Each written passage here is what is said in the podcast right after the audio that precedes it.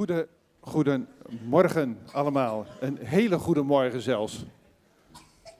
Als ook degenen die achterin staan een plek willen zoeken, dan kunnen we met z'n allen beginnen.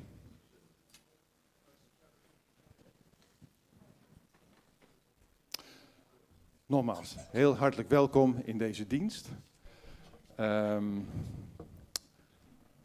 ik verwacht deze dienst heel veel van de Heer. En uh, vanmorgen hebben we elkaar al een, uh, bij de ingang een gezegende dienst gewenst. En het lijkt me goed dat we elkaar een goede morgen wensen, maar ook een hele gezegende dienst. Ik heb het de vorige keer ook gedaan. En uh, als je ziet hoe mensen elkaar tegemoet treden, en ja, dan krijg je ook de verbinding weer met elkaar. En het lijkt me goed dat we elkaar ook vanmorgen weer een hele gezegende dienst wensen. En dat de Heer ook woorden gaat spreken van leven.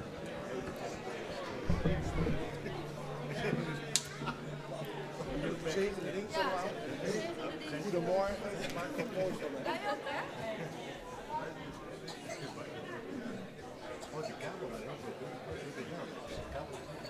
Toch doe ik het zo. Ja, dat hoort toch zo? Zeker.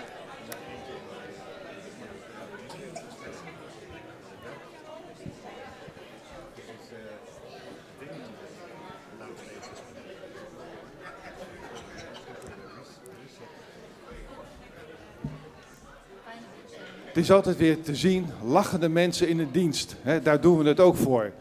Uh, vanmorgen toen stond ik bij de deur en toen zag ik een groep jongelui binnenkomen. Nou, fantastisch natuurlijk. Hartelijk welkom, een applausje dat jullie er zijn. En ook voor de nieuwe mensen die er zijn, ook heel hartelijk welkom. Ik zie nieuwe gezichten. Voel je thuis. En uh, een kleine uitleg misschien, ik heb net even met jou gesproken. Fijn dat jullie er zijn. Jullie gaan wat kerken aflopen, mag ik dat zo zeggen? Om te kijken niet zozeer naar wat de verschillen zijn, maar wat elkaar verbindt. Nou, ik vind het heel fijn dat jullie er zijn. En uh, nou, het is een kleine uitleg gegeven hoe wij de dienst uh, vormgeven. Maar uh, ik zou zeggen, laat je verrassen. Laten we de dienst aan de Heer opdragen. Dank u wel, Heer, voor uw liefde, voor uw trouw. Heer, dat we weer bij elkaar mogen zijn. Heer, we hebben één ding het verlangen om uh, ons hart open te zetten en dat u tot ons spreekt. Heer, we claimen deze dienst voor uw koninkrijk. Heer, en alles wat hier niet thuis hoort, we leggen het af. En uh, we dragen het aan u over. Heer, u bent een goede God, een trouwe God. En u bent meer dan welkom. Heer, zo zegen elkaar in uw naam. Amen. Vanja. Ja. Oh. Ik ben Anne. Ik heb, uh, we gaan beginnen met een kinderlied vanmorgen. En ik heb daarvoor iets meegenomen, namelijk treinkaartjes. Hele speciale treinkaartjes voor iedereen. Namelijk voor de koninklijke trein.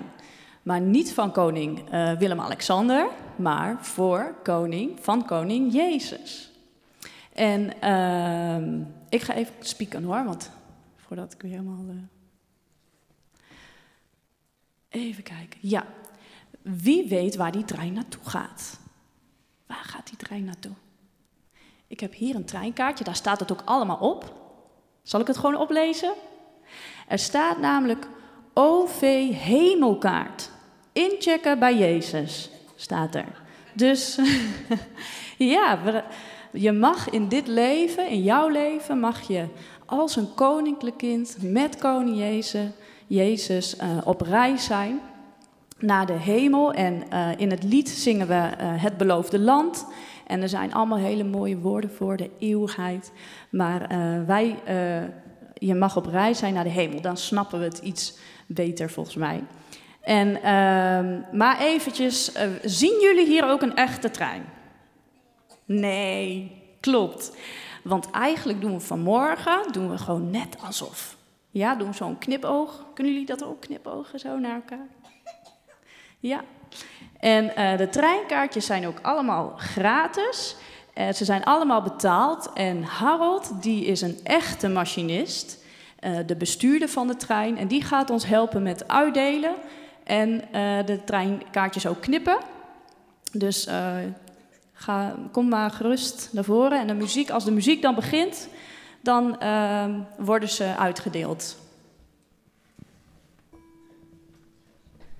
En volgens mij heb, heeft uh, Harold ook nog meer leuks voor de kinderen. Doe dit? Oh, nou weet meteen iedereen waarom ik vanmorgen in dit aterpakje loop. ik werd al gevraagd zo van, uh, moet je nog werken vandaag?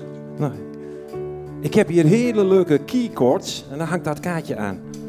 Maar ik heb ook nog veel andere leuke dingen, maar dat doen we dan na de dienst. Als jullie dan komen, heb ik nog wat plakplaatjes en spelletjes. Dat allemaal met Arriva te maken. Ouders, uh, jullie mogen ook komen hoor, maar denk niet dat je er rijk van wordt als je het op marktplaats zit. maar uh, wie, wil er een, wie wil er een kaartje? Kom maar naar voren.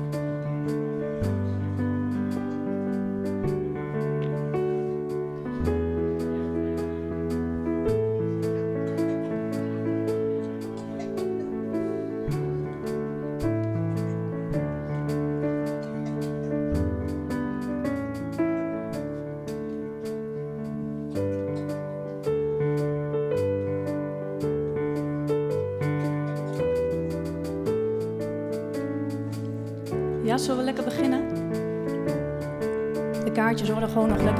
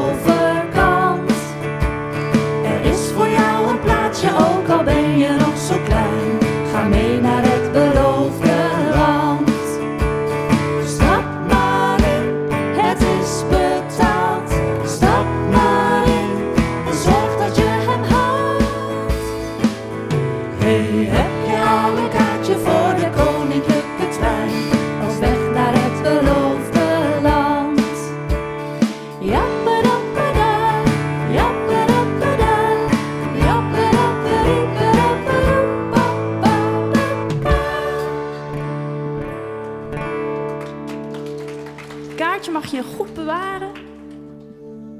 Goed zo. Dankjewel.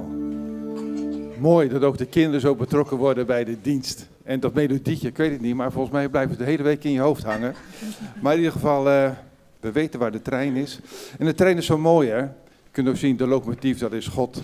En de wagons, dat zijn wij. En die zoeken de verbinding met elkaar. Dus eh, ja, prachtig. En we rijden over die ene rails. Ehm, ik heb nog wat mededelingen, dus uh, blijf nog heel even zitten.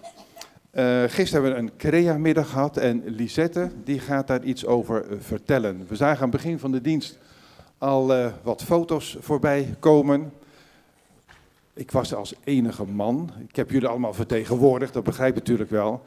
En uh, dankjewel, dankjewel. Voor je natje en je droogje. Maar goed, in ieder geval, ik moet eerlijk zeggen, ik heb genoten van de dames. En ik heb uh, jullie mannen ook nog even vertegenwoordigd. Ik mocht nog een klein bloemstukje maken, dus dankjewel.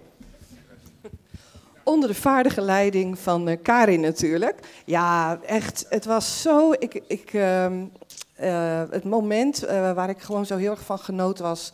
dat ik op een gegeven moment, ja, ik ben dan bezig... en ik denk dat gezoom om me heen. Zeg maar net of je in een bijkorf bent...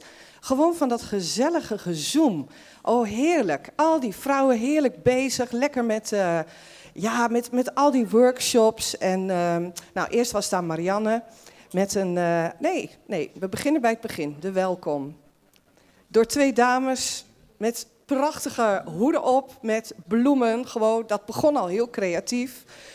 En ehm, nou, welkom. En toen heeft Marianne heeft iets met ons gedeeld over kom tot bloei. Dat was gewoon uh, heel fijn om dat, uh, om dat tot ons te nemen. Van hoe komen we nou tot bloei? Hè, onder de handen van, van de vader. Daar heeft zij gewoon uh, heel veel over gedeeld.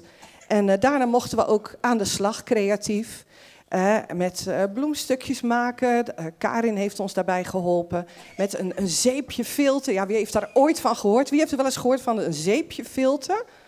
Nee, je had erbij moeten zijn. Kijk, want dat is zo, een beetje therapeutisch is het, zeiden ze. Want je moet gewoon lekker aaien over zo'n zeepje en over dat vilt. het was heel rustgevend. En dan ontstaat er iets heel moois. Met allerlei kleuren. Dus, en het ruikt lekker, joh. En uh, dat was onder leiding van Hanna. En uh, dan hadden we onder leiding van Susanna een, een handletterworkshop. Nou, dat was ook zo, zo leuk. We kregen het allemaal niet af. Er was één ding wat niet... Het was te kort. We moeten langer. Volgende keer gaan we gewoon langer door. Dus uh, heb ik, nou heb ik nog één workshop vergeten, denk ik. Uh, Ah, nee, ja. Van Yvonne, de scrapbook schilderij. Ja, die kwamen ook niet af, hè. Dus we moeten echt langer door. Maar het was wel heel gaaf. Um, volgende keer, uh, nou, we hadden nu iets van, nou, zeg maar dat we met z'n dertigen waren of zo. Hè, dus de volgende keer uh, uh, nog meer. Maar het was wel heel goed om het lekker, lekker uit te proberen zo met elkaar. Dus het was gewoon heel gaaf. Nou, dat was het eigenlijk ik denk niet dat ik iets heel belangrijks vergeten ben, maar... Het was zeker voor herhaling vatbaar, hè, die zetten. Kijk, volgende, volgende week dan is er een kinderfeest. En uh, ja, we doen heel veel voor de kinderen.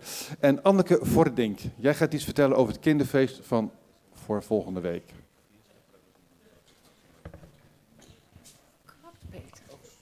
Goedemorgen allemaal.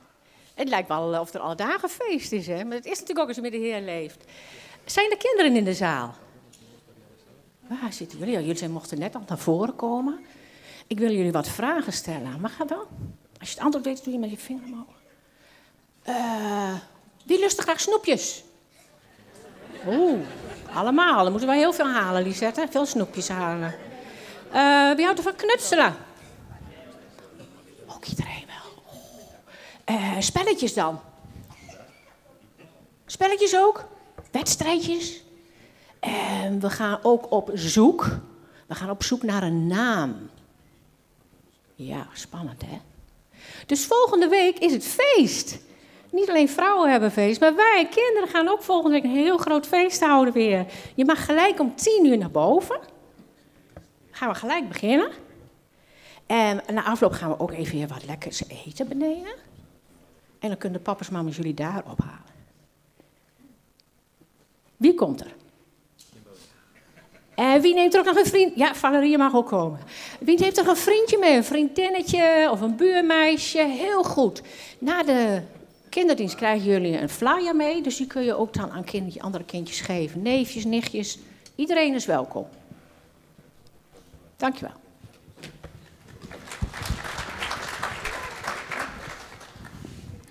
Denk dat we ook iets voor de mannen moeten gaan organiseren. Want ik voel ons een beetje op een lager niveau uh, gezet.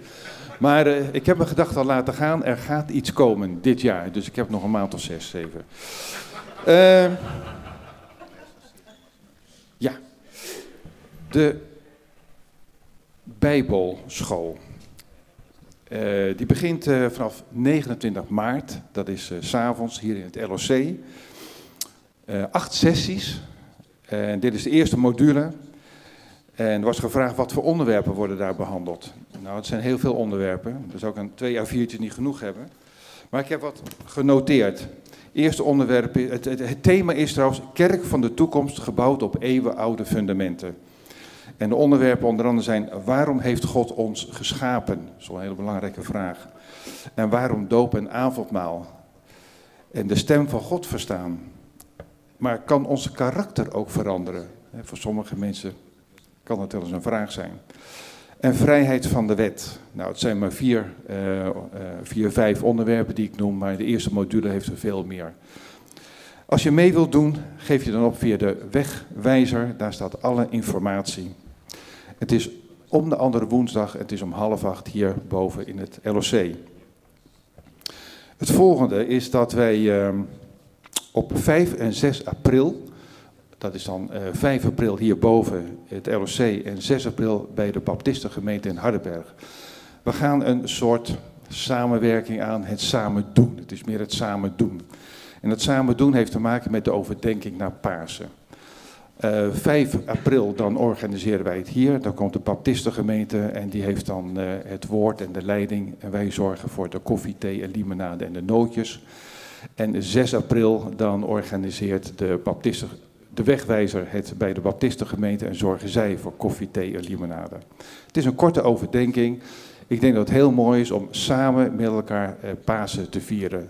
Ik denk ook dat we de grenzen van denken is moeten loslaten. En het gaat om één ding, het gaat om God ook naar Pasen toe.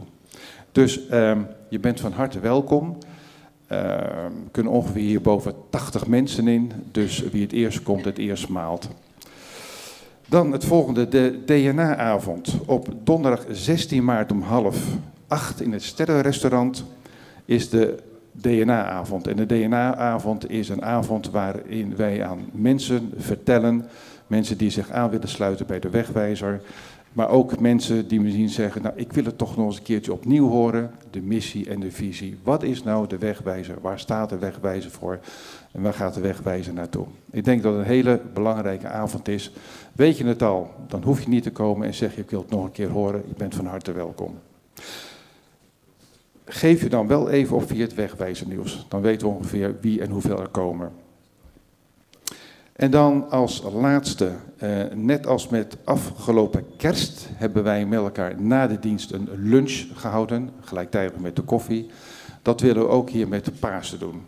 Het is goed om met elkaar met Pasen te ontmoeten beneden, de verbinding te zoeken. Eh, opgave eh, via het wegwijzer nieuws eh, voor, voor zondag 26 maart. Eh, komende weken zal weer achter in de zaal een tafel staan met briefjes eh, waarop staat wat de mensen mee kunnen nemen. Het was met kerst heel goed bezocht, waarom niet met Pasen? Dat waren de dingen die ik wilde zeggen. Ja.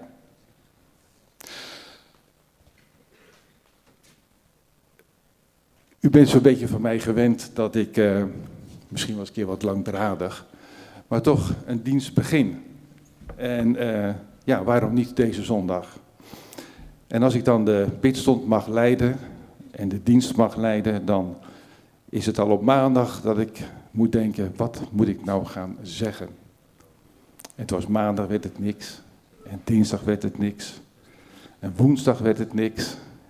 Bidden, bidden, heer, wat moet ik nou toch zeggen? En vrijdag was het ook niks. En zaterdag kon ik niet voorbereiden, want dan was ik bij de dames, bij de Crea-middag. Had me niet geïnspireerd. Want eh, vrijdagmorgen, toen zat ik aan tafel. En toen dacht ik, heer, wat moet ik nou toch zeggen? En ik werd boos, een beetje boos. Niet boos op God, maar boos bij God. Het is net alsof een stem tot me kwam en die zei, sla je Bijbel nou eens op en lees. Pak me mijn telefoontje, heb de digitale Bijbel. Ik ben niet zo digitaal, maar ik pakte gewoon dat telefoontje. Stond op het Nieuwe Testament. Zonder te kijken, ik klik aan, Marcus. En ik klik weer aan hoofdstuk 4. En ik open dat en wat staat daar? Sta op en ga in het midden staan. Sta op en ga in het midden staan. Nou, hier sta ik dan en ik heb niks. Maar het tweede vers, daar staat, steek je hand uit. Toen dacht ik, ja, dat is wat de Heer wil zeggen. Ga staan, Ga in het midden staan en steek je hand uit. Verwacht het van Hem alleen. En de grote fout die ik misschien maakte was, wat wil ik zeggen? Maar ik heb niks te zeggen. God wil het door mij zeggen. En ik was eventjes verkeerd gefocust. Even op een verkeerd zijpad, niet bewust. Maar je wil zo staan. Mensen staan je aan te kijken, je zit je aan te kijken. Wat verwacht je nou van Peet? Ja, nou ja, uiteindelijk verwacht datgene wat de Heer tegen jullie gaat zeggen. En ik ga die tekst even voorlezen. Een echte man van papier, hè, dat snap je natuurlijk wel. Maar één ding, mijn stroom valt nooit uit.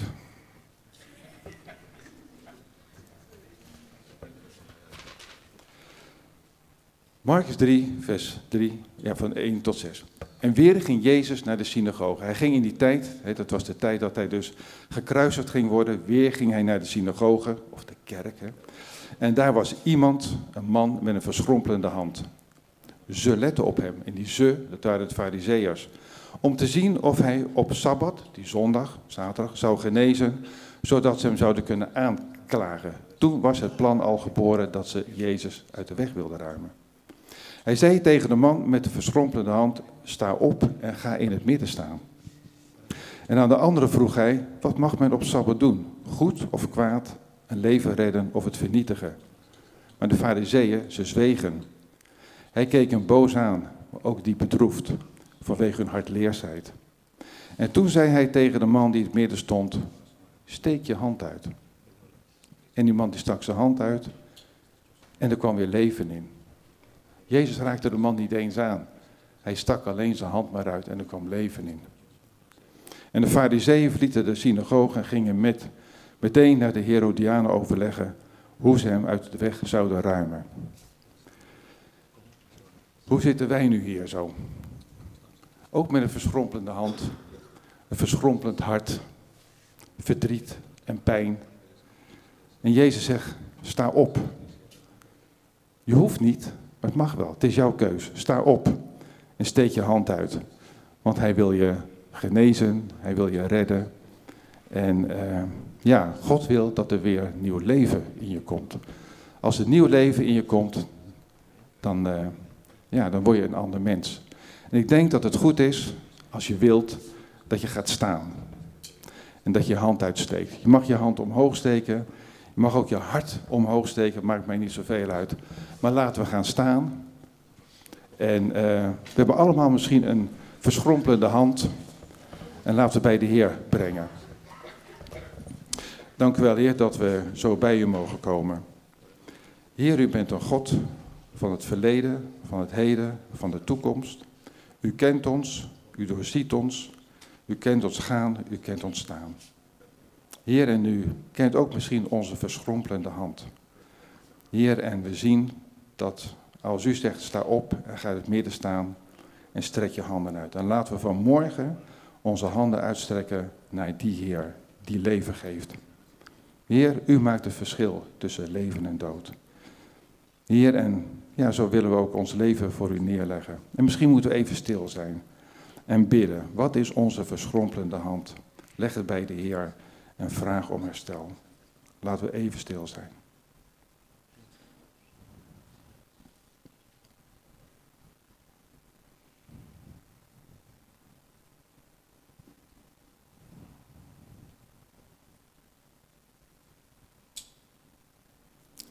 Ja, Heer, het is goed. U kent ons leven. U weet al lang wat wij zouden bidden. Maar u zegt ook in uw woord, vraag het aan mij en ik zal het je geven. Heer, in die verwachting, in die hoop, leggen we het bij u neer. Heer, we mogen onze handen in uw handen leggen, die altijd openstaan. U wil ze omvatten. Bid ook, Heer, dat u vanmorgen tot ons spreekt. Heer, door de liederen, door de aanbiddingsliederen. Heer, dat de woorden niet langs ons heen gaan. Heer, door het woord van Gert-Jan, dat we aangeraakt worden. Bid een keer dat uw geest langs de rijen gaat en dat u ons geneest naar geest, ziel en lichaam. Heer, u bent een goede God, een trouwe God en we loven en prijzen uw naam. Amen. Je mag beginnen. Ja, we gaan zingen. Voor de koning, hè? Voor de koning.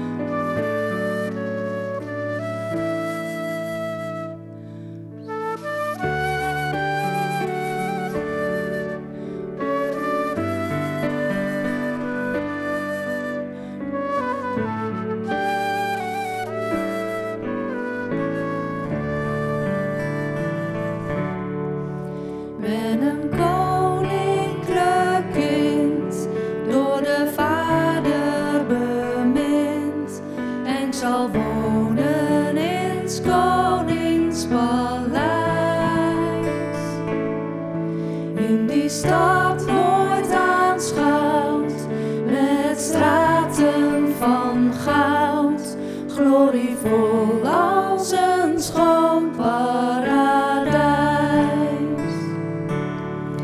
Ben een koninklijk kind, door de Vader bemind, en zijn oog rust zo teder op mij. Als de dageraad straks gloort, de bazuin hij mij om te staan aan zijn zij. Ik ben een koninklijk kind, niet slechts dienstknecht of vriend. Ben gekocht met het bloed van mijn Heer. En dat bloed geeft mij recht, meer te zijn Gods kind, dat verblijdt mij zozeer. Ik ben een koninklijk kind, door de Vader bemind. En zijn oog rust zo teder op mij. Als de dageraad straks gloort, de bazuin wordt hij mij om te staan aan zijn zij.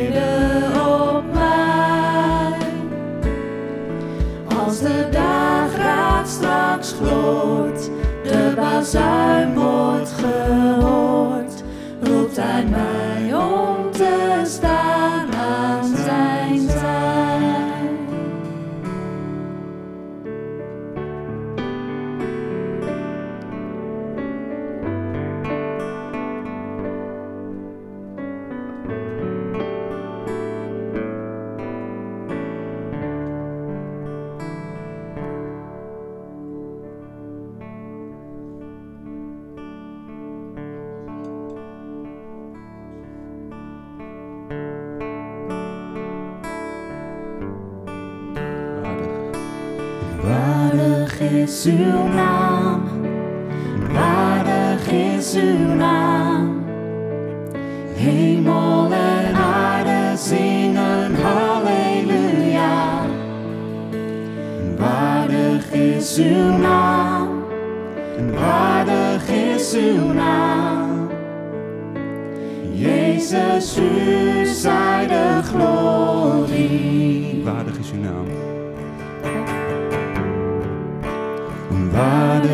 is uw naam, waardig is uw naam. Hemel en aarde zingen halleluja. Waardig is uw naam, waardig is uw naam. Jezus, u zij de.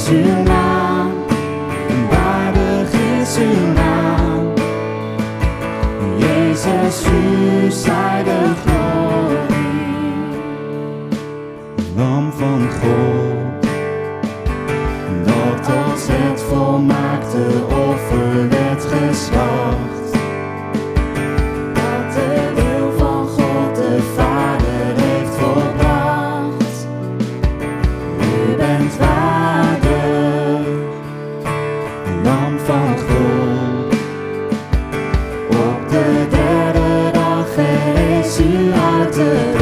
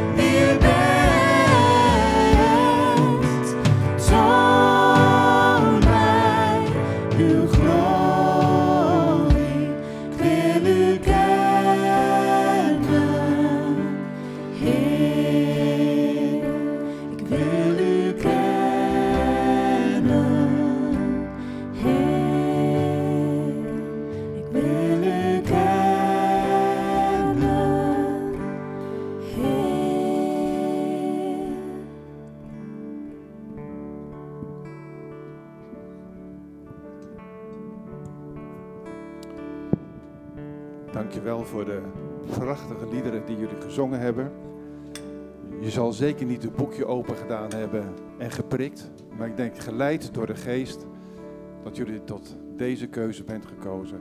Hebt uh, kunnen kiezen. Heel hartelijk dank daarvoor. We gaan luisteren naar Gert-Jan. Er is met je bidden. En de kinderen die mogen nu naar hun eigen dienst. Heer, we danken u voor wat u al gegeven hebt deze morgen. Heer, heeft gesproken door de liederen heen. Dank u wel, Heer, dat u ons zo wil aanraken.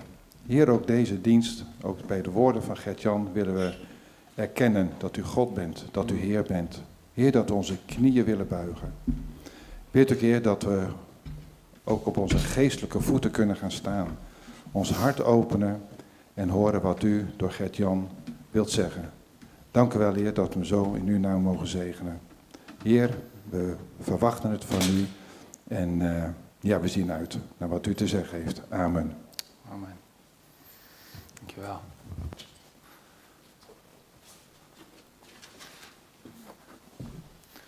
Ja, we zullen zo zien dat die liederen ook super mooi aansluiten. Hij galmt een beetje, geloof ik.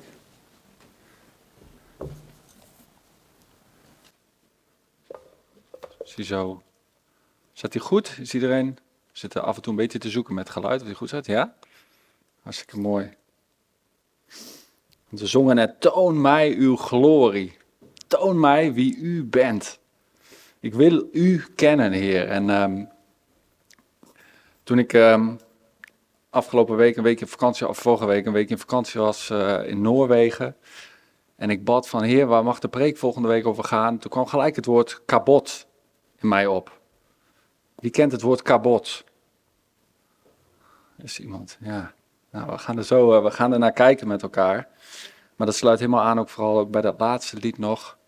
Um, en dat is een thema, ik, het woord schoot direct bij me naar binnen en ik moest zeggen, wat was het, wat, hoe zit dat ook alweer precies? En ik ben daar ingedoken en ik heb daar ooit eerder een preek over gehoord en die heb ik er nog eens bijgepakt. Ik ben er ingedoken en ik denk, oh, wat is dit een heerlijk onderwerp. Een woord wat ik nooit gebruik, maar wat zo'n diepe betekenis heeft.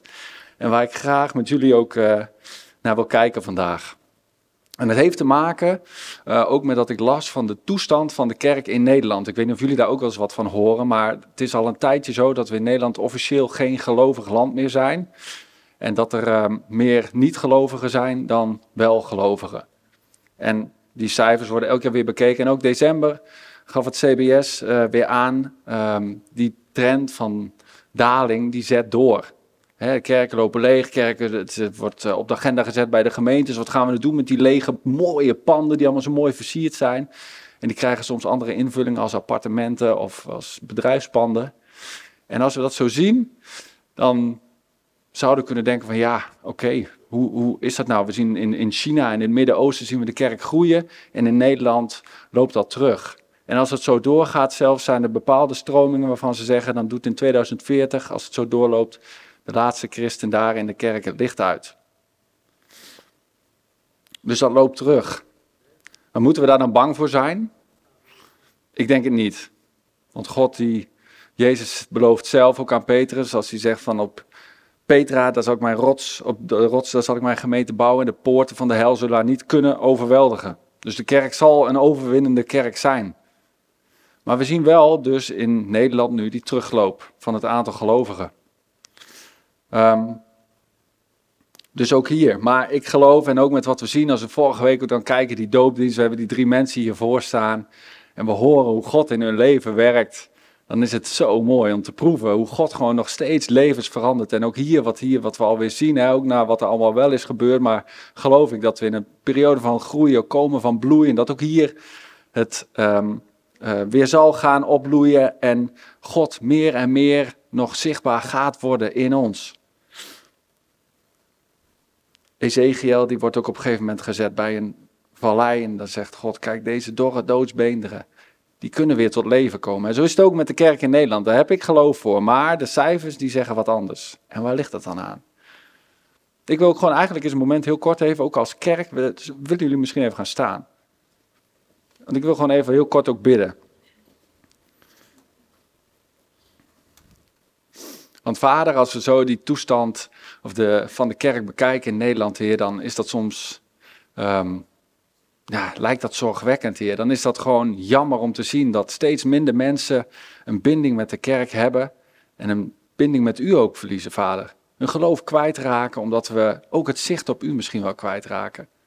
Vader, dan wil ik u danken voor iedereen die hier zo staat, voor zoals wij hier staan, Vader, dat wij deze plek mogen hebben en dat wij deze gemeente mogen zijn, hier in Hardenberg. Heer, met vallen en opstaan, daar hebben we zoveel ervaringen mee ondertussen.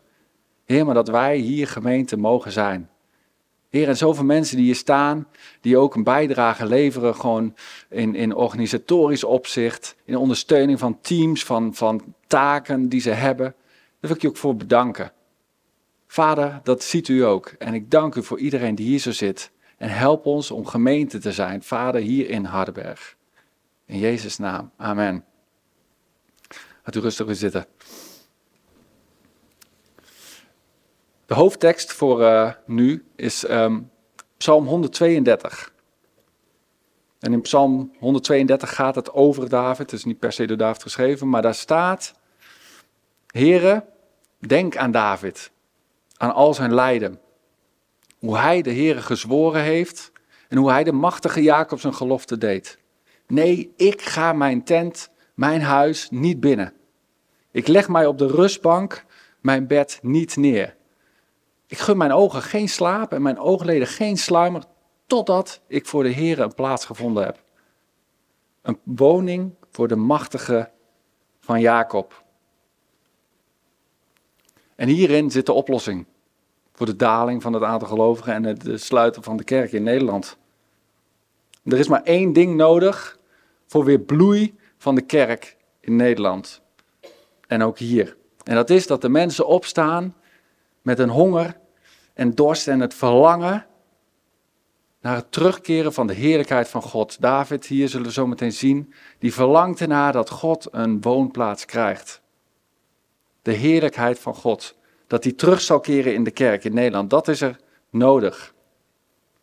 Niet allerlei strategische programma's waar ze ook wel mee bezig zijn en allemaal mooie activiteiten.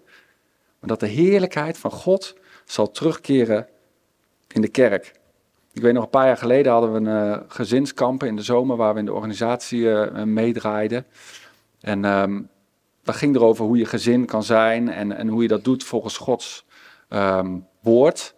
En daar hadden we een stel in ons groepje dat wij uh, begeleiden. En dat was een zendingsechtpaar uit Bosnië. En die was voor verlof in Nederland. En die had uh, de keuze gemaakt om ook een stukje input te ontvangen in die tijd. En die was op dat gezinskamp gekomen. Ze waren natuurlijk normaal gesproken ver weg. Gezin, ze hadden vijf broers. Die vrouw had vier broers en zussen. Dus samen met z'n vijven. Woonden verdeeld door Nederland. En ze waren midden veertig. Uh, nee, ouder al. Eind veertig. En um, ze hadden ook oude ouders. En ze hadden...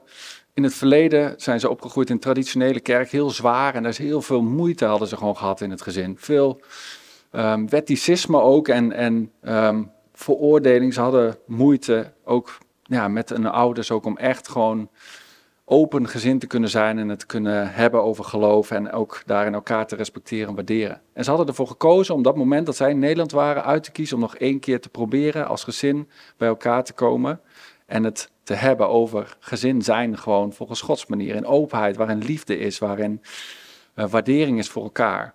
En de broers en zussen waren allemaal, het was in Heerde dat kamp, waren vanuit het hele land daar naartoe gekomen. En ik weet nog, daar baden we ook voor die week. Ze zaten bij ons in het groepje en ze, vonden het heel spannend. Hun ouders zouden ze wel voor openstaan, zouden ze kunnen, luisteren ook wat de kinderen nou echt ervaren hadden vroeger. En we baden daar met elkaar voor. En toen gingen we eten op een gegeven moment. De ochtendprogramma was voorbij en die ouders zouden na de lunch komen. Terwijl we daar met 130 man buiten zaten te lunchen, kwamen ze aan. In een autootje, oud stel, al moeite om uit de auto te komen. Je zag, ze waren aan het eind van hun leven. En um, ja, ze kwamen daar binnen uh, terwijl wij allemaal vrolijkheid hadden en, en, gezelligheid. En we hadden voor gebeden, hier laten openheid zijn om dat gesprek zo um, goed te laten verlopen. En die man die ging zitten, ik denk begin tachtig, en hij pakte zijn bordje en we weten hem welkom. En we hadden ja, even aandacht voor hem en hij ging zitten. En op een gegeven moment zegt hij, uit de hele zware kerk, hij zegt, het is heel apart. Maar de geest van God is hier. De geest van God is hier. Ik ervaar het gewoon. En we zeiden, wauw, wat mooi, weet je, dat is waar we voor gebeden hebben. En die mensen hebben smiddags zo'n mooi gesprek gehad met elkaar. Dat gezin heeft elkaar gevonden. En die ouders hebben geprobeerd te luisteren op het einde van hun leven. Om te kijken van, heer, kunnen we het ook gewoon mooi met elkaar afsluiten. De geest van God was daar. Tegenwoordigheid van God ervoer die. En van daaruit kwam er leven, kwam er herstel ook in dat gezin. En dat is precies wat in de kerk in Nederland ook nodig is. De kerk wat wij ook nodig hebben in ons leven, dat de tegenwoordigheid van God daar is. En er kan meer van de tegenwoordigheid van God in de kerk komen. En weet je waar dat van afhankelijk is? Van jou en mij. Wij kunnen ervoor zorgen dat de tegenwoordigheid van God meer aanwezig is. In de kerk. En we lazen net van het verlangen van David, wat daar staat. En hij nam een besluit. Op het moment dat hij koning werd, dan ik ga de ark terughalen. En ik wil met jullie kort kijken naar het verhaal van de ark, wat daarvoor allemaal plaatsvond in de 1 Kronieken. Want de ark die was buitgemaakt door de Filistijnen. Uh, meer dan 60 jaar daarvoor. en de ark met het verzoendeksel, jullie kennen het, ik had er net een plaatje van. Uh, de engelen daarop, twee gerubs. En dat was de plek waar God daalde. Niet de ark zelf, maar daar kwam de tegenwoordigheid van God en sprak hij met Mozes van aangezicht tot aangezicht. Dat was het teken, het symbool voor de tegenwoordigheid van God. En die was buitgemaakt. En dat woord wat daarvoor gebruikt wordt, die heerlijkheid van God, dat is, dat is kabot. Dat is een stukje glorie wat dan verschijnt. We lezen dat ook in het Oude Testament. Zag je het, dat wolk daalde neer en het vulde zich met de heerlijkheid van God. Kabot is dat. Glorie, een stukje majesteit, luister, gewichtig iets is het ook. Kabot. En in 1 Samuel 4, daar lees je dat verhaal over het buitmaken van de Filistijnen. Israël die trekt op, moment, op een zeker moment ten strijde en die verliest tegen de Filistijnen. En 4000 mannen ehm, vinden de dood. Ja, dit is nog even iets verderop hoor, Edwin. En dan verliezen ze dus van de Filistijnen en dan zeggen ze, hoe kan dat nou? God heeft ons toch altijd al geholpen en hij is toch altijd bij ons. Hoe kunnen we nou die strijd verliezen? Weet je wat? Laten we nu die ark erbij halen. Die heeft ons in het verleden ook geholpen toen we de Jordaan overstaken en toen de muren van Jericho moesten vallen. Die ark was daarbij. En dat bracht ons redding, bracht ons, nou ja, misschien wel geluk. Laten we die ark er weer bij halen. En ze slepen die ark erbij en willen dan opnieuw ten strijde gaan.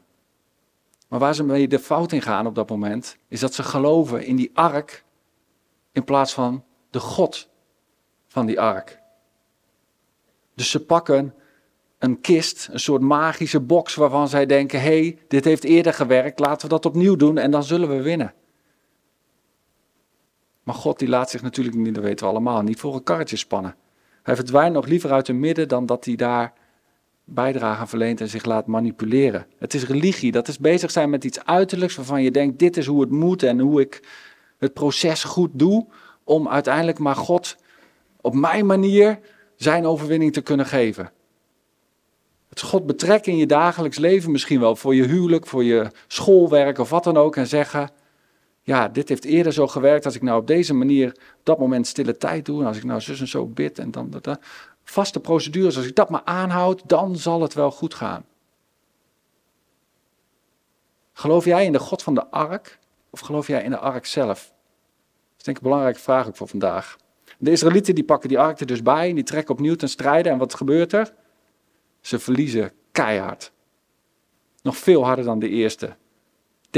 30.000 mannen vinden daar de dood. En nog erger, die ark wordt ook nog eens buitgemaakt. En daarbij sterven ook nog twee andere mensen. Eli, dat verhaal kennen jullie misschien wel, die hoort daarvan. De zonen van Eli zaten in, dat, in die 30.000 die omkwamen. Eli, die hoort dat. Hè, er komt een bode naar uh, Silo en die zegt, um, ja, er is een strijd geweest, we hebben verloren. En je zonen, Hofni en Pinas, die waren er ook bij. En de ark is ook buitgemaakt. En Eli, die hoort dat, hij was oud en zwaar geworden, staat er. Valt van zijn stoel, breekt zijn nek en die sterft. Maar er sterft nog iemand op dat moment. En dat is zijn schoondochter. Die is hoogzwanger. En die, uh, haar man zat in het leger dus. Die was de zoon, zoon van Eli. Die komt ook om. En ook zij krijgt dat te horen.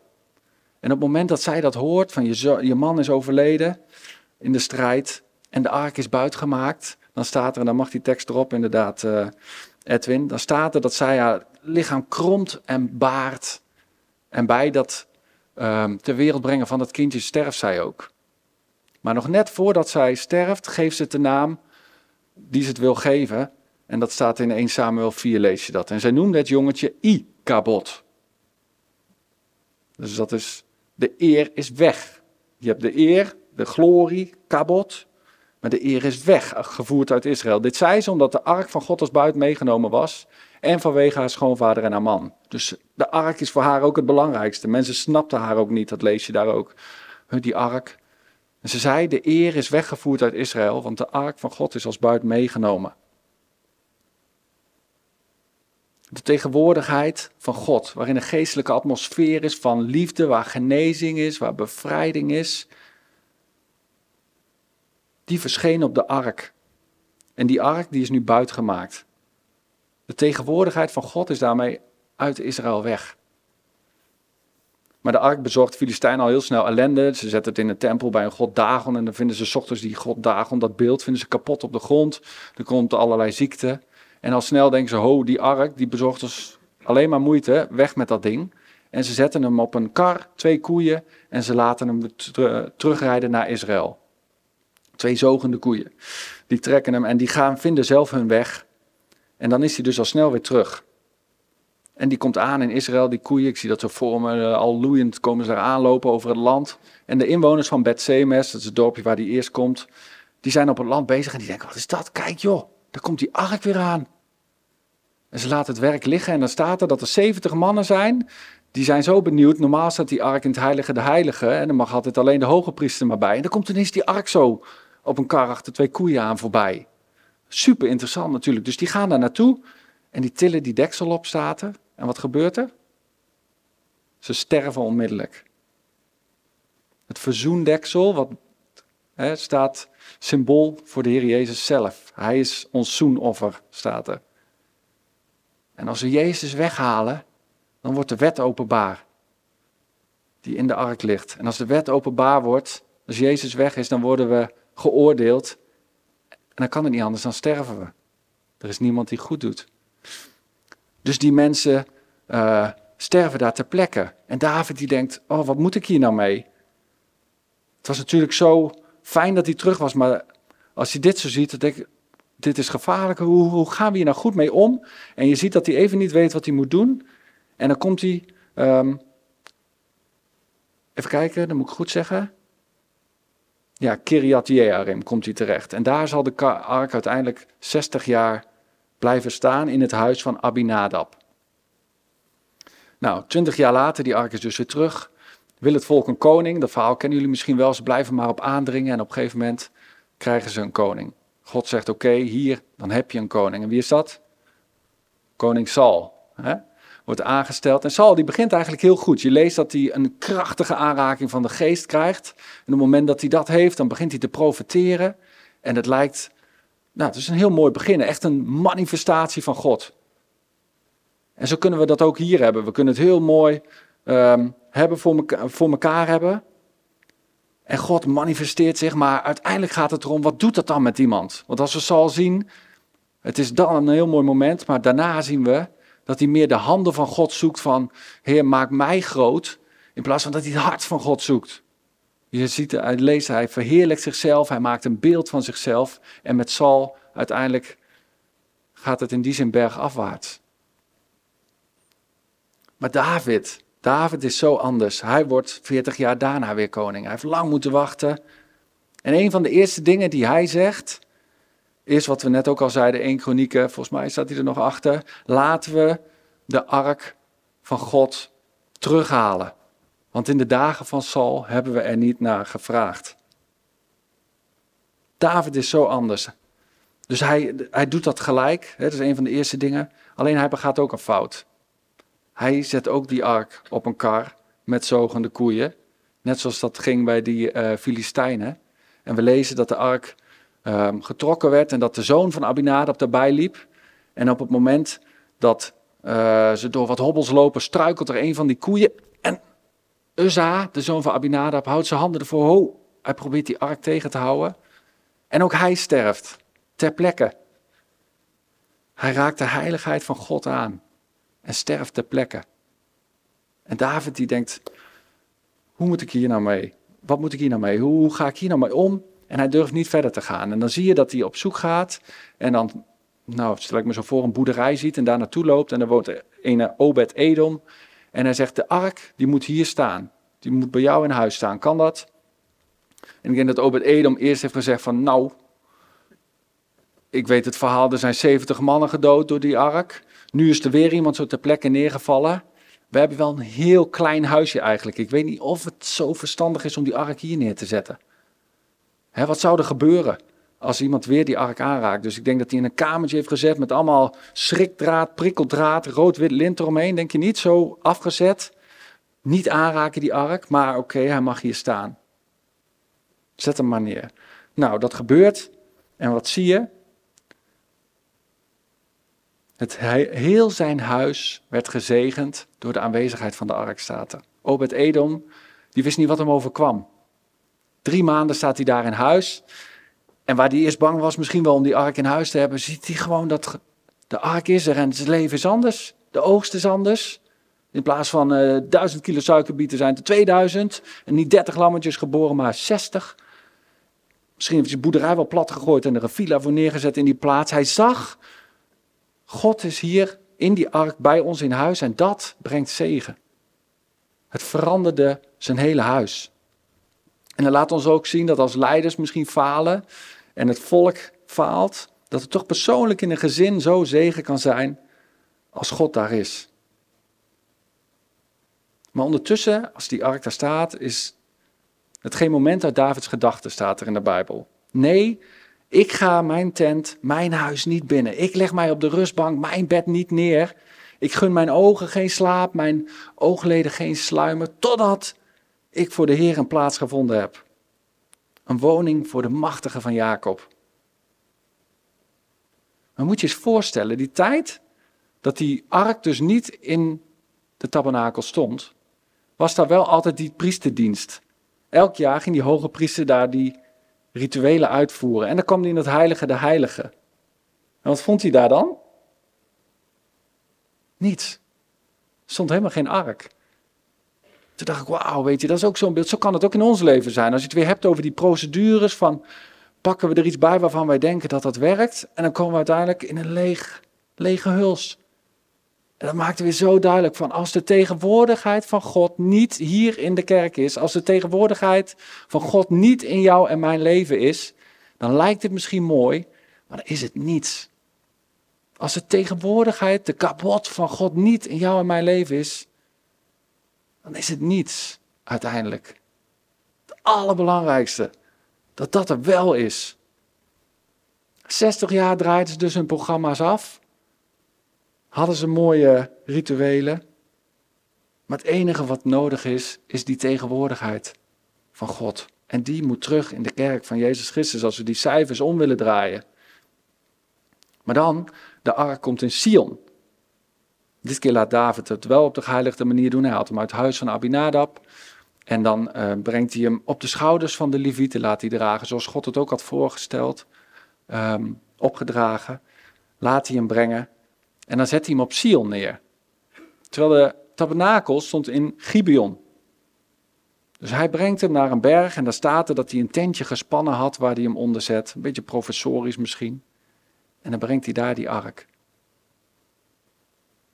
Dacht, waarom is dat nou eigenlijk? Want het eh, zou logisch zijn dat hij hem in de tabernakel zou zetten. Maar dan zegt de psalm, er staat er inderdaad al, wat we net lazen, staat iets verderop in vers 13 en 14. Want de Heer heeft Sion verkozen. Hij heeft het begeerd tot zijn woongebied. Dit is, zei hij, mijn rustplaats tot in eeuwigheid. Hier zal ik wonen, want naar haar heb ik verlangd. Dus waarom nou niet in die tabernakel? En toen ging ik eens kijken, Sion, oké, wat is dat dan? En dat is zo mooi, want als je dat gaat opzoeken, wat Sion dan betekent. Sion betekent letterlijk een door vuur verschroeide plek. Een door vuur verschroeide plek. Dus dat is een plek waar vuur is geweest en waar gewoon niets meer is. Dat is de plek die God uitkiest om te wonen. Toen dacht ik, wauw. Weet je, zo kan ik mezelf soms zo voelen, hè? Heb je dat ook wel eens? Het is gewoon, ja, wat heb ik nou? Wie ben ik nou? Een plek waar het vuur is geweest en waar niets is. Dat zegt God, dat is waar ik woon. Ik denk dat is een plek van verbrokenheid. Een plek van verbrokenheid, dat is die God uitkiest om met zijn tegenwoordigheid te zijn en daar te wonen. Jesaja 57 zegt het, want zo zegt de hoge en verhevene, die in eeuwigheid woont en wiens naam heilig is. Ik woon in de hemel en in het heilige en bij de verbrijzelde en nederige van geest, om levend te maken het hart van verbrijzelde. Dat is de plek waar God wil wonen. De berg Sion die staat ook tegenover de Sinaï en Sinaï staat voor de wet en Sion staat voor genade. God wil komen en zijn met zijn genade en wonen op een plek waar helemaal niets is. En de geschiedenis gaat verder en die leert ons dat de ark uiteindelijk wel in, die, in de tempel ook komt die gebouwd is. Die wordt weer verwoest en de, en de ark uh, wordt weer buitengemaakt, raakt zoek en zal ook niet weer gevonden worden. Maar dan komen de profeten en die beginnen te spreken en die hebben het over een dag die zal komen. Een dag waarop de Messias komt en een dag waarop de aarde ook weer vol zal zijn van de heerlijkheid van God. De kabot in zijn puurste vorm zal het zijn. De aarde zal vol zijn. En dat is de dag waarop Jezus geboren werd. Waarop Jezus kwam. Johannes 1, vers 14 zegt: Het woord is vlees geworden en heeft onder ons gewoond. En wij hebben zijn heerlijkheid gezien. Een heerlijkheid als van de enige geborene van de Vader, vol van genade en van waarheid. Jezus was de ultieme drager van de kabot van God. Jezus droeg de tegenwoordigheid van God bij zich. En op elke plek waar hij kwam, waar pijn was, waar, een verschrompelde hand was, daar kwam hij en daar bracht hij leven. Daar was de tegenwoordigheid van God zichtbaar en dan veranderde de situatie, veranderde de omgeving. Jezus in een perverse en donkere wereld brengt de tegenwoordigheid van God. Wauw, dat is mooi. Maar dan gaat het nog verder. Johannes 17, vers 22, die zegt: En ik heb hun de heerlijkheid gegeven die u mij hebt gegeven. Dus God die geeft, komt eerst met zijn tegenwoordigheid en dan zegt hij, uh, Nieuw Testament van ik wil die tegenwoordigheid laten zien in Jezus. En dan zegt hij nu ook nog eens, zegt Jezus in het gebed tot zijn vader, ik heb hun de heerlijkheid gegeven die u mij gegeven hebt. En dan komt het ineens bij jou en mij. God laat niet alleen zijn heerlijkheid zien in Jezus, maar geeft dat in jou en mij, als wij hem volgen. Dat is wat, toch? Kunnen jullie het hebben? Als ik daarover nadenk, dat gaat, dat gaat mijn hersenpannetje gaat dat te buiten hoor. Die heerlijkheid van God mag zichtbaar zijn in mijn leven. God zegt, ik geef die glorie, mijn tegenwoordigheid, die geef ik niet alleen aan Jezus, maar die wil ik ook aan jou geven en aan mij. En dan kan die heerlijkheid ook nog eens groeien, staat er in 2 Korinthe 3. Dat wij, de heerlijk, wij die de heerlijkheid van God aanschouwen in een spiegel, naar datzelfde beeld worden veranderd, van heerlijkheid tot heerlijkheid. Weet je, en zoals het hier gaat, ik moest daar volgende week, vorige week ik zo na te genieten. Dan denk je proeft gewoon die tegenwoordigheid van God in de dienst. He, er komen dingen zo mooi samen. Je ziet mensen veranderen. Je ziet die mensen ook, eh, gewoon dat we elkaar opzoeken. Ik vind dat, dan zie je de tegenwoordigheid van God. Maar tegelijkertijd geloof ik dat er nog veel meer is. Wat ik net ook zei. We staan pas aan het begin van iets. He, we zeggen het ook steeds weer van stap voor stap. Stap voor stap. We willen u volgen. Maar dat maakte wel dat ik zo bad van Heer, wilt u alsjeblieft meer die manifeste tegenwoordigheid van uzelf geven in onze levens. Hier, van iedereen die hier zit, maar ook van mijn eigen leven. Dat verlangen, weet je, naar die tegenwoordigheid van God. Dat is wat de cijfers om zal gaan draaien van dalende kerkgangers in Nederland. Verlangen naar de tegenwoordigheid van God. Er zijn twee dingen, denk ik, nodig. Diep verlangen, maar daarnaast is ook verbrokenheid. Sion, dat is de plek waar God wil zijn. Niet een plek waar verbrokenheid is, gewoon eenmalig of af en toe. Maar als een continue levensstijl. Als een plek waarin we elke keer weer onszelf afleggen en tot niets worden. zodat Hij alles kan zijn. Wat er ook in je leven gebeurt, elke dag opnieuw. Het gaat om sterven aan ons vlees, aan zelfverheerlijking, sterven aan onszelf, zodat Hij zichtbaar kan worden in jou en mij. En ik moet eerlijk zeggen, ik heb nog wel eens te maken met een stukje trots in mijn leven. Ik weet niet, dat, ehm, dat zit erin. Um, hè, aan de buitenkant mag het nogal goed lijken. En dat stukje trots, dat is iets waar God me al meerdere keren in mijn leven met soms een, nou, een, een, een liefdevolle, maar toch ook wel hele harde spiegel me dat duidelijk maakt. En er zijn er punten geweest waarin je een stukje voor je gevoel af mag leggen en je karakter mag veranderen, zodat zijn tegenwoordigheid er meer zichtbaar mag worden. Een stuk verbrokenheid, maar dan dus als een levensstijl. Maar naast verbrokenheid dus dat diepe verlangen. Wat God zoekt is mensen met een diep verlangen naar Hem. God heeft zo'n intens verlangen naar jou en mij, weet je dat? Naar jullie ook tieners, naar ons volwassenen, maar ook als je wat ouder bent. God heeft nog steeds, elke dag opnieuw, zo'n diep verlangen naar jou en mij. Om dan zijn tegenwoordigheid in jouw leven zichtbaar te laten worden. En dat zal je tot zegen zijn. Het zal je goed doen. En daarnaast mag je het ook nog eens afstralen op de wereld. Als een spiegel. Weet je, God heeft alles gegeven om dat mogelijk te maken. En die ark is soms weg. En die ark kun je terughalen. En als we kerk in Nederland willen zien groeien, en als jij in je eigen leven groei wil zien, dan is het nodig om verbroken te zijn. Dat is de plek waar God wil wonen. Dus voel je je zo. Dat betekent niet dat je niets bent, maar dat betekent dat je juist de perfecte plek bent voor God om te wonen. Weet je dat?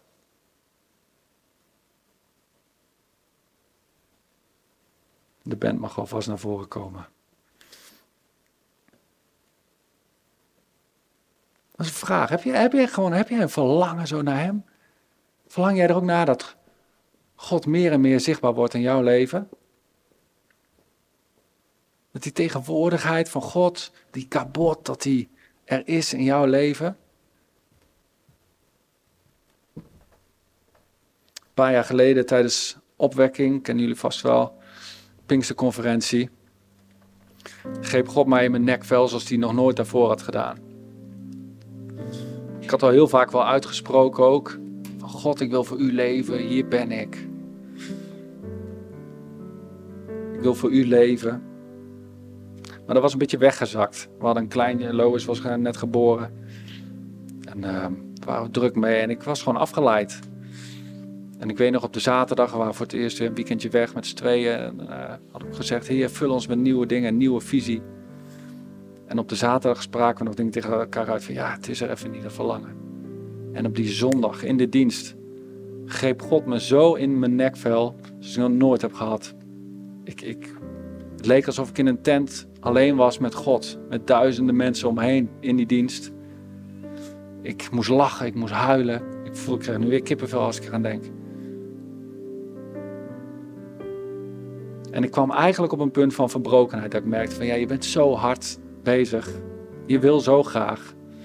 Maar kijk je wel, ben je met die ark bezig?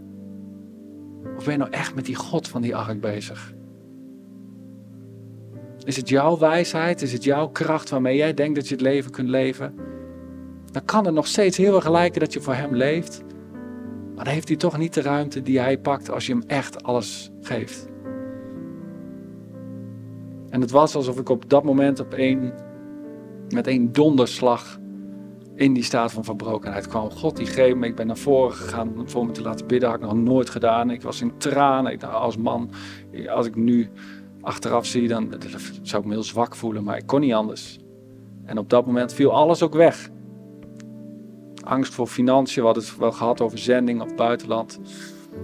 Financiën, hoe met het huis We hebben nu een kind. Uh, zo lang weggaan, hoe doen we dat met familie? Alles viel weg in dat ene moment waarin die tegenwoordigheid van God zo duidelijk was. En toen kwam ik erachter, ja, maar dit is eigenlijk iets wat God altijd, elke keer opnieuw weer wil geven. Dat is niet een eenmalig iets. Het heeft ons in, in beweging gebracht. Maar ik merkte afgelopen week toen ik in Noorwegen was weer van, heer, ik ben zo hard bezig. Lastig soms hier ook. Zijn we heel erg mee aan het worstelen van, God, wat wilt u voor ons hier? In Hardenberg, in de wegwijzer. En, is soms balanceren en bijna krampachtig op zoek gaan naar waar God, wat, wat, wat wilt u nou? Spreek dan. Maar afgelopen week besefte ik me ook weer dat ik opnieuw die ark er soms bijpak als een soort mascotte waarvan ik denk, als ik het zus en zus en zo doe, dan zal God wel zichzelf laten zien. Maar God liet me zien, het nee, het gaat erom dat je gewoon naar mij verlangt. Die plek van verbrokenheid, dat je niet weet hoe het zit, dat is juist goed. Dat is Sion, dat is een plek waar ik kan heiligen, waar het vuur kan, zijn werk kan doen. En waar je tot niets meer komt van jezelf.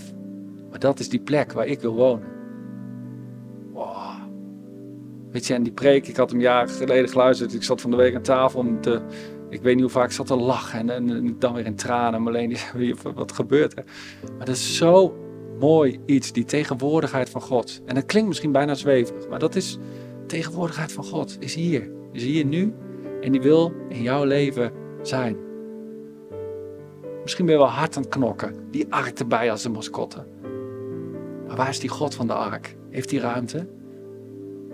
Zijn tegenwoordigheid, is die er in jouw leven? En ik wil ja, weet je, we hadden deze week dus een moment ook van gebed. Zondag toen we terugkwamen uit Noorwegen. Van, we hebben wel weer van alles gedaan. En ik ik aan het worstelen ben. En we hebben alles bij God gebracht. Al onze vragen, onze zorgen. En dat is soms, voelt dat kwetsbaar. Maar op dat moment kwam die vrede van God kwam weer terug. Deze week, ik heb zo'n vrede. Ik heb geen antwoorden. Ik weet niet waar het heen gaat. Volgende stappen, geen idee. Maar die vrede van God is terug. En dat is zoiets heerlijks.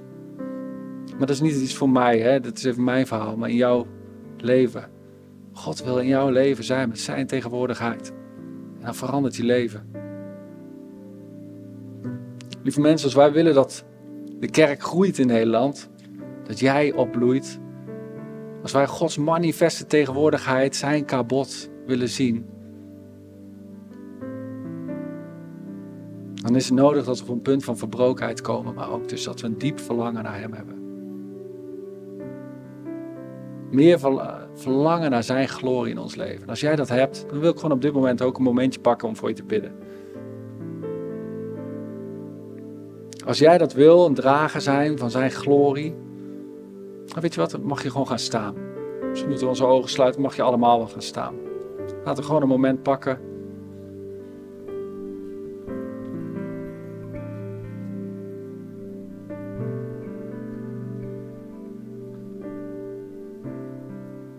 Jij dat wil, ja Heer, ik verlang opnieuw naar uw tegenwoordigheid. Allereerst in mijn leven. Vader, ik ben misschien wel met de ark bezig. In plaats van met de God van de ark. Heer, en het klinkt mooi, die tegenwoordigheid van God in je leven, maar misschien ben je er wel heel ver af op dit moment.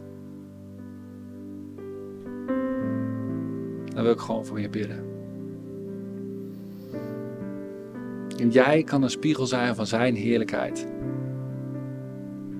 Op de plek waar jij bent, jij kunt zijn gewicht, zijn kabot, zijn glorie, zijn luister, kun jij meedragen.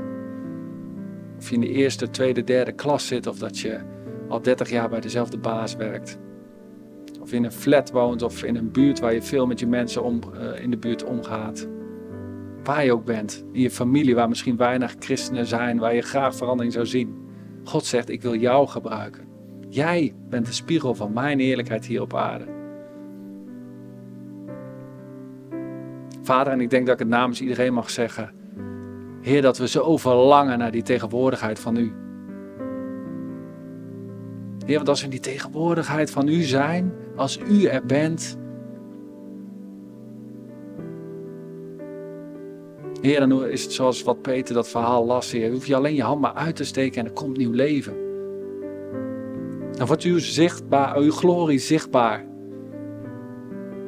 Heer, dan komt op plekken waar nu misschien huwelijken vastzitten. Waar we niet weten hoe we eruit komen. Of waar we onze kinderen opvoeden en geen idee houden, hebben over, hoe we grip houden op ze. Heer, hoe we misschien iets van ons geloof uit moeten stralen, mogen stralen op onze banen, tijdens onze banen, op ons werk, Heer, of in de klas. Heer, maar dan zegt u, ik wil komen met mijn tegenwoordigheid in jouw leven. Ik verlang ernaar dat jij je hand uitstrekt, want ik wil je zoveel meer geven dan dat je nu nog kunt bedenken. Vader, dat hebben we al gezien, dat is hier al gebeurd, Heer, en daar willen we op gaan staan, ook vanochtend. Dat u in staat bent om zo boven ons denken en kunnen uw werk te doen. Maar dan is het nodig dat we op een punt van verbrokenheid komen. Heer, ik bid zo voor de mensen. Ja, specifiek ook voor mannen moest ik aan denken. Is het soms zo, hè, wat ik zelf ook ervaar, een stuk trots wat we meedragen. Omdat we de goede man willen zijn, de sterke man. Voorbeeld willen zijn, waarin het allemaal goed moet zijn aan de buitenkant, Heer. En we elke week misschien wel onze auto wassen en ons huis goed op orde hebben. En misschien wel zo voorbij lopen aan waar het werkelijk om draait, Heer. Om in die tegenwoordigheid van U te zijn. Heer, maar dat geldt voor ons allemaal. Zo kunnen we allemaal leven. Heer, ik bid op dit moment dat uw kabot, uw tegenwoordigheid zichtbaar wordt. In onze levens. Heer, we verlangen ernaar dat de kerk weer opbloeit. Dat die cijfers zullen stijgen.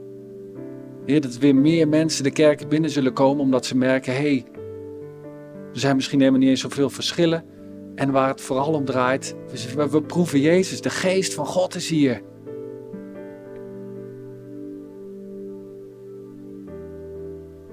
Vader, dank u wel dat u dat mogelijk hebt gemaakt, dat dat überhaupt kan, Heer. Dat u met uw tegenwoordigheid in ons leven kwam. Jezus, dank u wel voor uw offer.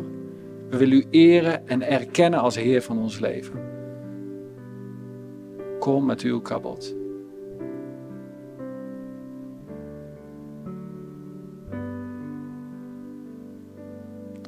In Jezus' naam.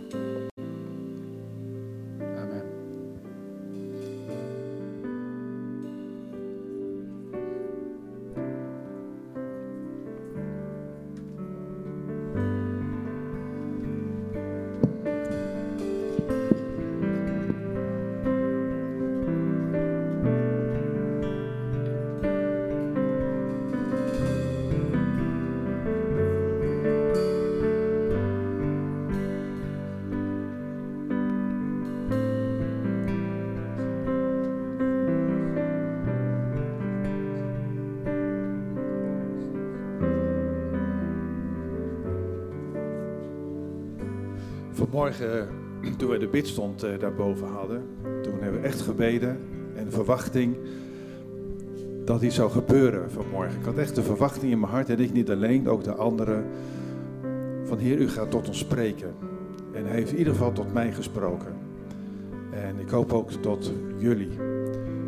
En eh, ook dat je de woorden meeneemt. Want God is altijd in je midden, maar zet wel je hart ervoor open. Hij wil er zijn. Is de rode draad, is de tegenwoordigheid van God. En eh, laat die deze week met je meegaan. En eh, ja, dankjewel Gert-Jan voor eh, de woorden die de Heer tot je gesproken hebt, die je zo ons meegedeeld hebt. Ik denk dat we nu een lied kunnen gaan zingen.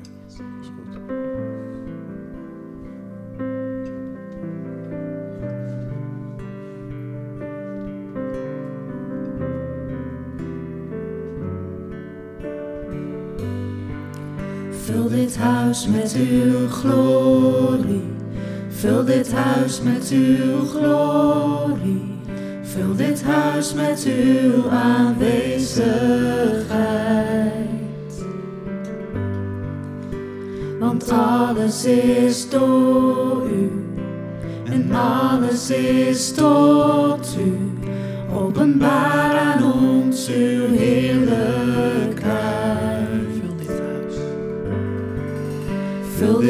huis met uw glorie. Vul dit huis met uw glorie. Vul dit huis met uw aanwezigheid. Want alles is door u. En alles is tot u. Openbaar aan ons uw heerlijkheid.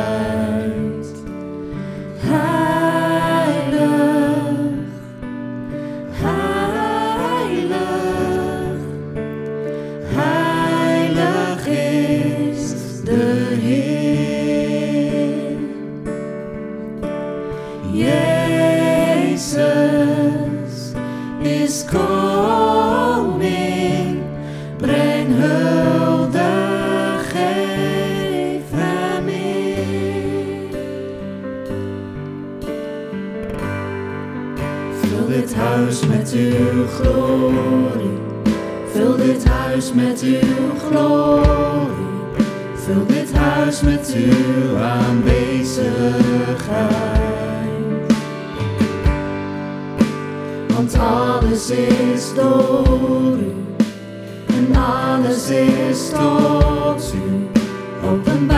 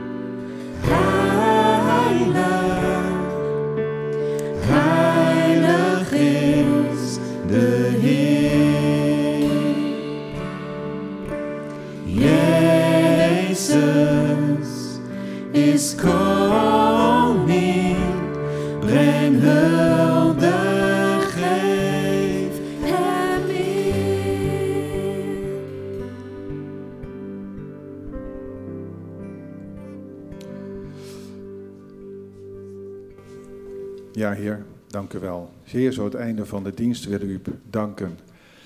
Danken voor de woorden. Heer, danken dat u er bent. Danken voor uw glorie, uw hulde brengen. Hulde brengen die u toekomt. Heer, deze morgen, maar ook voor de komende week. Heer, we leggen deze week in uw handen en we verwachten het alleen van u. U bent onze beschermer, u bent onze redder, u bent ook onze zaligmaker. Zo zegen ik jullie in Jezus' naam. En, eh, en wees een getuige voor de komende week. En eh, we bidden jullie de vrede toe. Amen. Er is koffie en thee voor degenen die dat lusten.